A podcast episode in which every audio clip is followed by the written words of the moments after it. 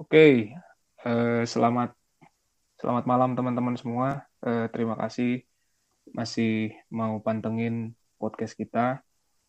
Eh, pada kesempatan ini, seperti yang udah disampaikan sebelumnya, kita bakal bahas topik yang eh, lain. Sebenarnya ini topik inti kita ya, Van ya, topik Iya. dari inti podcast kita gitu. Kayak kita mau bikin eh, podcast tentang bola. Nah, kita mau bahas satu pertandingan yang baru saja berlangsung beberapa jam lalu antara eh, Barcelona melawan Real Valladolid. Eh, dengan Barcelona menang ya, Barcelona menang 3-0. Eh, ada beberapa perbedaan gitu dengan pertandingan-pertandingan sebelumnya di mana dari beberapa sisi Barcelona memperlihatkan perbedaan yang ber- berujung kemenangan ini gitu. Ya eh, di sini eh, masih sama bersama teman saya Elvan Sumaryadi.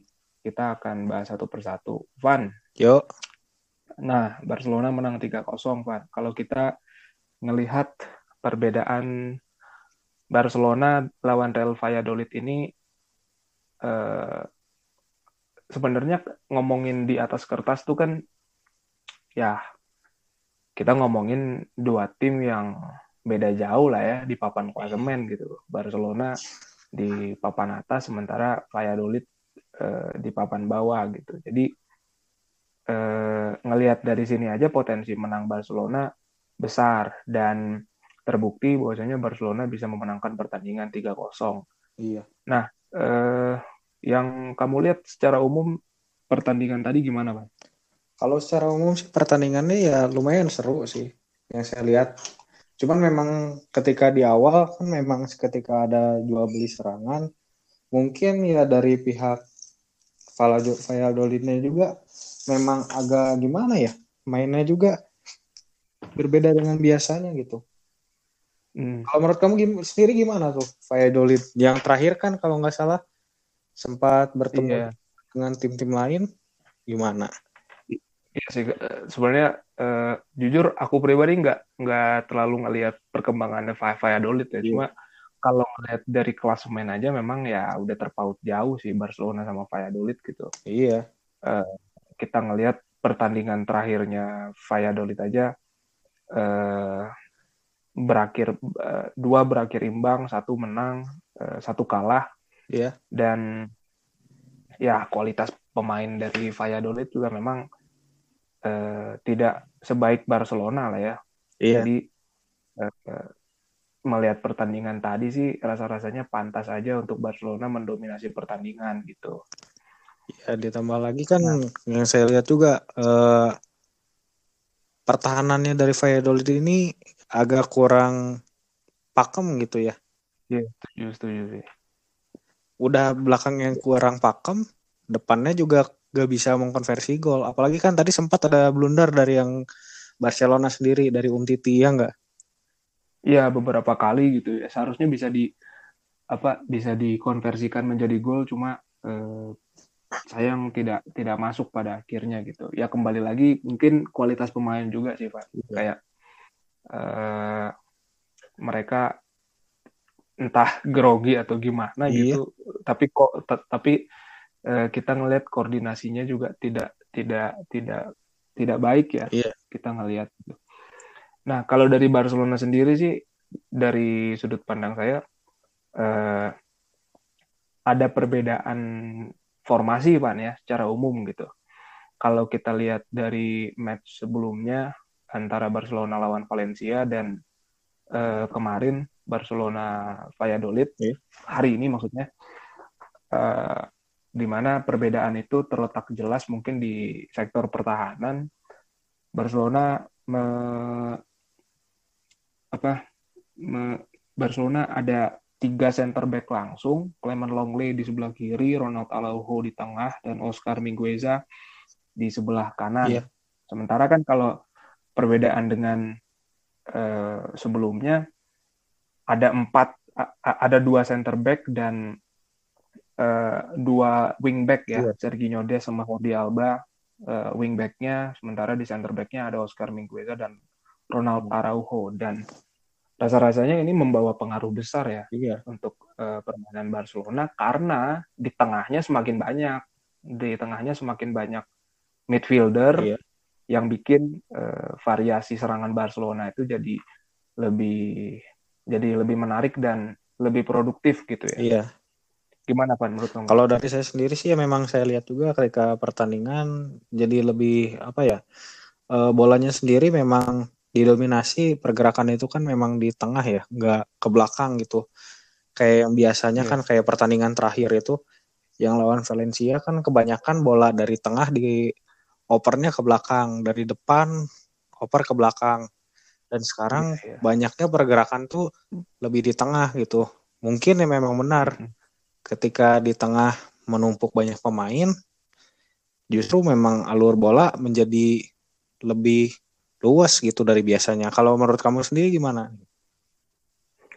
Iya dan dan kita lihat juga memang eh, pemain-pemain yang diturunkan berbeda ya sama yang lawan Valencia iya. kemarin yeah. gitu. Kayak misalkan apa saat lawan Valencia kemarin Busquets masih dipakai dan nggak tahu ya pandangan saya pribadi Busket ini lambat ya permainannya gitu nggak nggak nggak nggak gimana ya nggak entah Busket ini memang udah bukan eranya lagi atau gimana cuma terlalu lambat untuk permainan Barcelona yang seharusnya bisa cepat gitu kayak tadi uh, Busquets digantikan oleh uh, Frankie De Jong uh, dan Miralem Pjanic di tengah uh, apa bola-bola umpannya tuh bisa bikin serangan Barcelona tuh jadi cukup jadi sering berbahaya gitu. Yeah.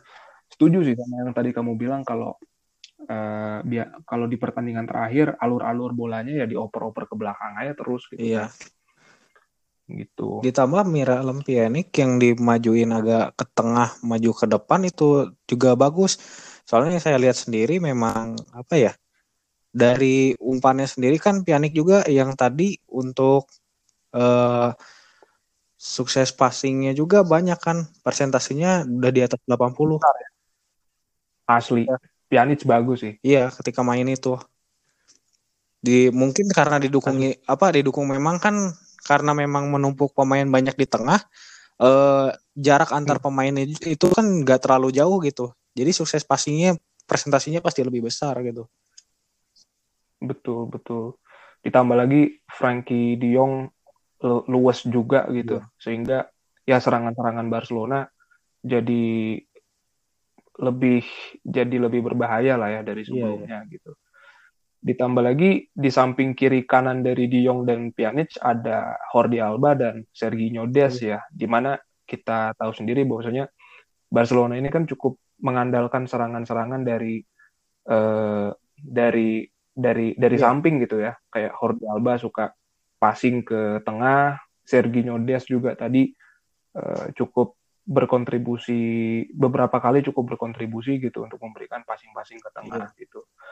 Nah itu ngomongin di tengah gitu. Kalau melihat perbedaan uh, bagian belakang, Van, kayak sekarang Clement Longley, Ronald Araujo, sama Oscar Mingueza, di mana kita iya. tahu gitu masalah utama Barcelona ini kan dari segi pertahanan yeah. gitu kita ngelihat waktu lawan Valencia kemarin kayak uh, beberapa kali backnya blunder gitu kalau tadi kamu ngelihatnya gimana Van segi, segi kalau dari pertahanan sendiri yang saya lihat tadi itu memang bisa dibilang sih uh, melakukan kesalahan dari pertandingan sebelumnya masih ada kesalahan-kesalahan yang dilakukan. Masih ada. Cuman balik lagi memang finishing dari si Real Valladolid itu sendiri kan nggak terlalu baik gitu. Mungkin ya kalau uh, tim yang bertanding saat tadi itu bukan Valladolid mungkin bisa kejadiannya gol atau bagaimana karena yang saya lihat sendiri memang uh, pertahanan gitu dari sektor mana pun baik dari tengah Iya, setuju. Soalnya dari tadi juga kan kebanyakan kan kalau misalnya kita lihat dari pertandingan sebelumnya hanya dari sektor sebelah kiri saja atau sebelah kanan aja yang untuk hmm. uh, pergerakan pemain penyerangnya itu dari lawan, tapi sekarang kan dari semua sisi bisa terserang gitu. Beda dengan Iya, betul. sebelumnya. Memang ma- masih ada beberapa kesalahan, cuma ya benar setuju sih yang kamu bilang tadi kayak Valladolid eh, lini serangnya juga tidak tidak terlalu ya pemainnya tidak tidak cukup berkualitas lah untuk eh, mengkonversi gol Iya. tadi gitu. Ditambah lagi itu apa? Kayaknya oh, yang tadi tuh pas pertandingan tadi bolanya kurang lengket itu sama pemain Valladolid. Jadi yang dioper langsung lepas, oper lepas. Kelihatan banget mungkin dari possessionnya Barcelona mendominasi 61% Nah, ya, 61% sementara eh, Valladolid 38%. Ya mungkin ini tipikalnya Barcelona Iya. juga sih ya.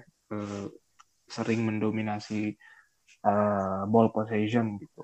Nah, dari lini serang, Van, dari lini serang eh, kamu ngelihatnya gimana nih? Iya. Kalau saya pribadi sih jelas banget melihat Pedri dan Messi tadi kolaborasinya sangat-sangat sangat-sangat Iya. menghibur lah gitu. Mereka kol kolaborasinya eh, bagus Ah. juga. Di depan ada Martin Braithwaite, Martin Braithwaite nyetak gol juga Iya. tadi ya.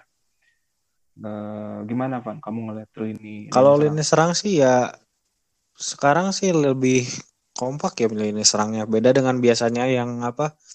eh, justru lini serang ini kebanyakan melakukan syuting itu dari luar. Kalau sekarang kan kebanyakan justru syuting dari dalam gitu. Meminimalkan syuting Hmm. dari luar dan juga memang pergerakan dari Pedri ini luar biasa. Walaupun memang dari segi ball precision untuk Pedrinya sendiri itu nggak terlalu tinggi dan juga akurat akurasi passingnya juga nggak terlalu bagus. Tapi justru kebanyakan Pedri sekarang memang ngasih eh, passing yang justru krusial gitu. Yang salah satunya membu- membuahkan gol Iya. ketiga yang dicetakkan Messi pada menit ke Itu passingnya Iya. keren ya. Pas gitu bisa ya mungkin koordinasi Messi dan Pedri udah Iya. semakin meningkat juga lah dari hari ke hari. Martin Braithwaite Nah, kalau kamu, menurut kamu gimana tuh? Mat? Ya eh, sebenarnya eh, ya Braithwaite bermain cukup baik ya tadi cuma nggak tahu sih dari pandangan saya tetap aja gitu memang eh, jarang megang bola juga Braithwaite intensitas jatuhnya mungkin tidak sebanyak lawan Iya. Valencia kemarin ya Eh, cuma ya satu gol untuk Braithwaite eh, bagus lah meskipun ada beberapa peluang juga kayak eh, umpan silang dari Jordi Alba yang tidak bisa dimaksimalkan Braithwaite eh, juga itu eh, harus bisa dibenahi lagi lah untuk match Iya. berikutnya gitu.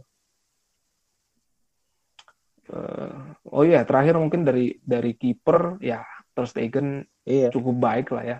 Di samping memang seperti yang kamu bilang tadi serangan-serangan dari Real Valladolid juga Real Valladolid men- menyerang cuma eh, memang tidak terlalu berbahaya lah ya. Iya. Paling eh, perbedaannya mungkin dari formasi ini setelah eh, ada pergantian Van ya. Setelah eh, ada pergantian Sergio Busquets masuk, Umtiti masuk sama sama Junior Firpo masuk ya.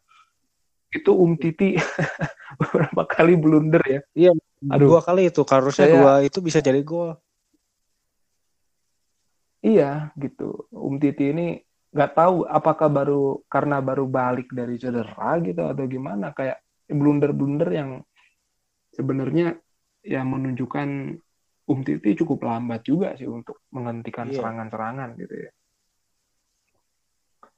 Ya, eh, 3-0 eh, gol Clement Longley lalu Braithwaite sama Lionel Messi dan dari dari pandangan saya sih mungkin Barcelona harusnya bisa menang lebih besar daripada 5-0 karena kalau ngelihat dari statistik sih total shots Barcelona Iya. tuh 21 loh kan. Total shot Barcelona 21 sementara total shotnya eh, Valladolid hanya 12 dan tadi saya ngelihat attempt attempt to goal-nya eh, kesempatan untuk meraih golnya tuh Barcelona Iya. sampai 10 kali ya sendiri maksudnya Messi beberapa kali tidak bisa mengkonversi bola menjadi peluang menjadi gol Iya. eh, ya masalah umum dari Barcelona selain pertahanan mungkin finishing ya Iya. Van ya yang tidak terlalu baik gitu gimana menurut Ya itu ya terlihat sekali sih kalau misalnya dari pertandingan tadi bahkan ya kalau bisa dibilang antara Messi dan White sendiri untuk masalah finishing itu memang agak kesulitan kayaknya untuk kerjasama. Terlihat dari yang terakhir itu sempat sekali itu White yang nendang kena pinggiran gawang, harusnya kan itu bisa dioper ke Messi gitu. Iya iya gitu. betul betul betul betul gitu.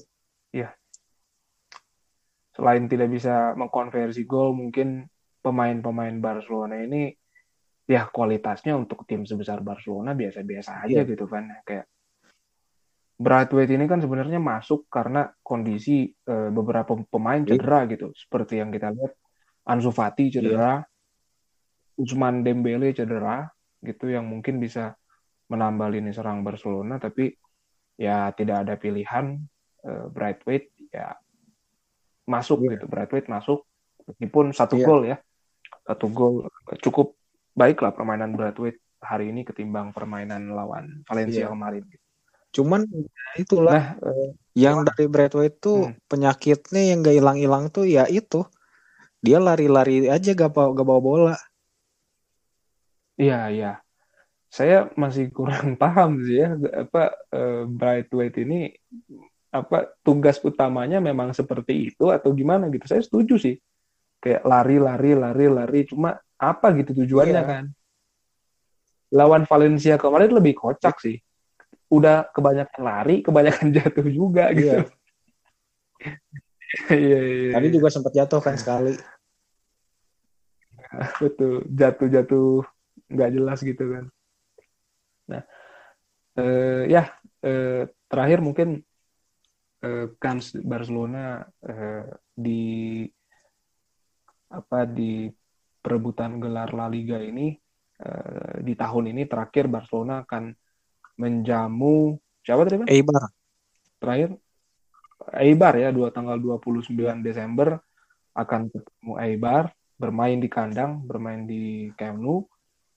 Uh, dan Januari 2021 tadi uh, saya lihat-lihat banyak sekali pertandingan di pertandingan away di mana kita tahu Barcelona eh, sering melakukan sering yeah. kalah lah gitu kalau pertandingan away gitu ya kalau tadi kita lihat statistiknya juga sebenarnya itu pertandingan yang eh, bisa dibilang Barcelona lagi menang gitu away. Biasanya kalah yeah. mulu nih gitu. Jadi pertandingannya cukup berat. Gimana Van? Kamu ngelihat kans Barcelona untuk uh, meraih gelar juara gitu? Di sisa di di sisa kalau di sisa musim ini memang kansnya sih bisa dibilang agak berat ya. Di mana kita lihat juga jumlah bermain dari Atletico sebagai pemimpin klasmen pun masih sedikit gitu lebih sedikit daripada Barcelona iya 13 ya 13 kali beda satu kan hmm. kalau nggak salah betul masih beda beda hmm. satu pertandingan. Ditambah Atletico sendiri sekarang kan memang timnya lebih solid gitu ketimbang Barcelona yang memang sekarang menghadapi banyak banget polemik gitu di tengah transisi. Ya, ya, ya. Betul betul. Kalau menurut kamu sendiri gimana? Apa ada peluang bisa tetap? Ya, uh, kalau ngelihat peluang sih mungkin uh, kalau bagi saya yeah. sih peluang masih ada ya. Kayak uh, tapi kunci penting dari uh, besar atau tidaknya peluang itu adalah bagi saya di bursa transfer iya. musim dingin nanti gitu. Kita akan membeli pemain yang mana nih? Karena balik lagi mungkin ke pembahasan kita tadi, banyak pemain Barcelona yang eh, kualitasnya tuh bukan kualitas Barcelona yang kita kenal gitu, ya kan?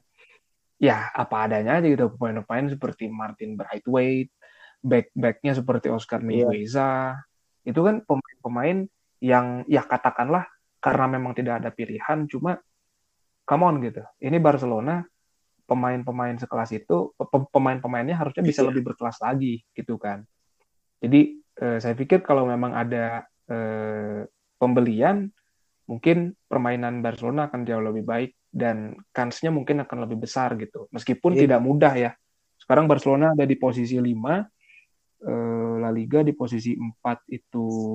Villa Villa Villarreal, posisi 3 Real Sociedad, 2 Real Madrid dan satu Atletico Madrid iya. gitu. gitu ya Van.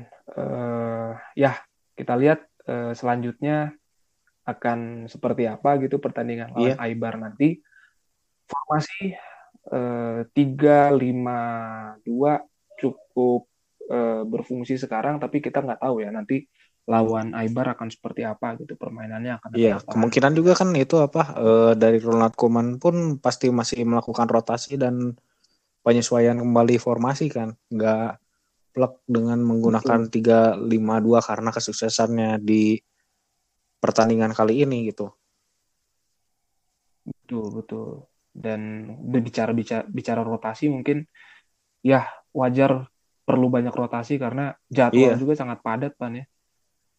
Jadwal ya efek dari uh, sepak bola yang berubah semenjak pandemi ini ditambah tidak ada penonton lagi. Mungkin kan uh, biasanya Barcelona tuh on fire ketika penonton ada gitu di lapangan. Betul. Messi Messi sendiri uh, ngakuin kalau uh, tanpa penonton itu ada iya. perbedaan lah gitu untuk bermain di Camp Nou terutama ya. Oh ya ngomong-ngomong soal Messi, fun fact uh, Messi melewati iya. rekornya yeah. Pele ya. Uh, gol terbanyak ketika ah. dia main di satu klub gitu. Luar biasa sih. Uh, mungkin akan terus bertambah ya seiring Messi uh, masih mungkin beberapa tahun lagi di iya. Barcelona yeah. gitu. Nah, uh, ya it's segitu aja sih, Van. Uh, ada ada hal lain yang ingin disampaikan? Ya untuk ke depannya sih, kalau misalnya untuk Barcelona sendiri, memang pertama mungkin rotasi ya gak masalah sih. Di tengah memang padatnya hmm. jadwal, ditambah keadaan yang juga pandemi kan belum tentu ke depannya semua pemain Barcelona memang selalu negatif gitu hasilnya. Dan juga hmm. memang bisa dibilang kan berusaha mencari konsistensi yang pas gitu untuk satu tim ini. Di tengah memang konsi uh, betul. sekarang tuh memang agak kesulitannya Barcelona tuh untuk menjaga konsistensi untuk menang gitu. Iya. Betul. Konsistensi untuk menang ya. Dan konsistensi mencari iya. formasi tim yang terbaik juga gitu kan ya untuk meraih itu gitu seiring dengan pemain-pemainnya yeah. tadi gitu. Ada banyak masalah cedera, pemain permainan yang tidak begitu yeah. konsisten gitu kan ya. Oke, okay, uh, eh, itu sedikit pembahasan kita untuk uh, match kali ini Barcelona versus Real Valladolid. Uh, kita kita uh, mungkin ke depannya akan lebih sering lagi untuk iya. mereview yeah. beberapa pertandingan. Bisa aja Barcelona lagi atau uh, di luar Barcelona tapi harapannya mungkin teman-teman bisa pantengin aja terus podcast kita untuk um, melihat review-review pertandingan atau preview mungkin yang selanjutnya eh. gitu Van. Oke. Okay. Uh, kita minta maaf kalau ada kesalahan kata, kalau ada yang kurang analisanya atau gimana. Semoga ke depan kita bisa yeah. jauh lebih baik lagi. Oke, okay. uh, segitu aja teman-teman. Thank you udah nonton. Uh, see you di next episode. Bye bye.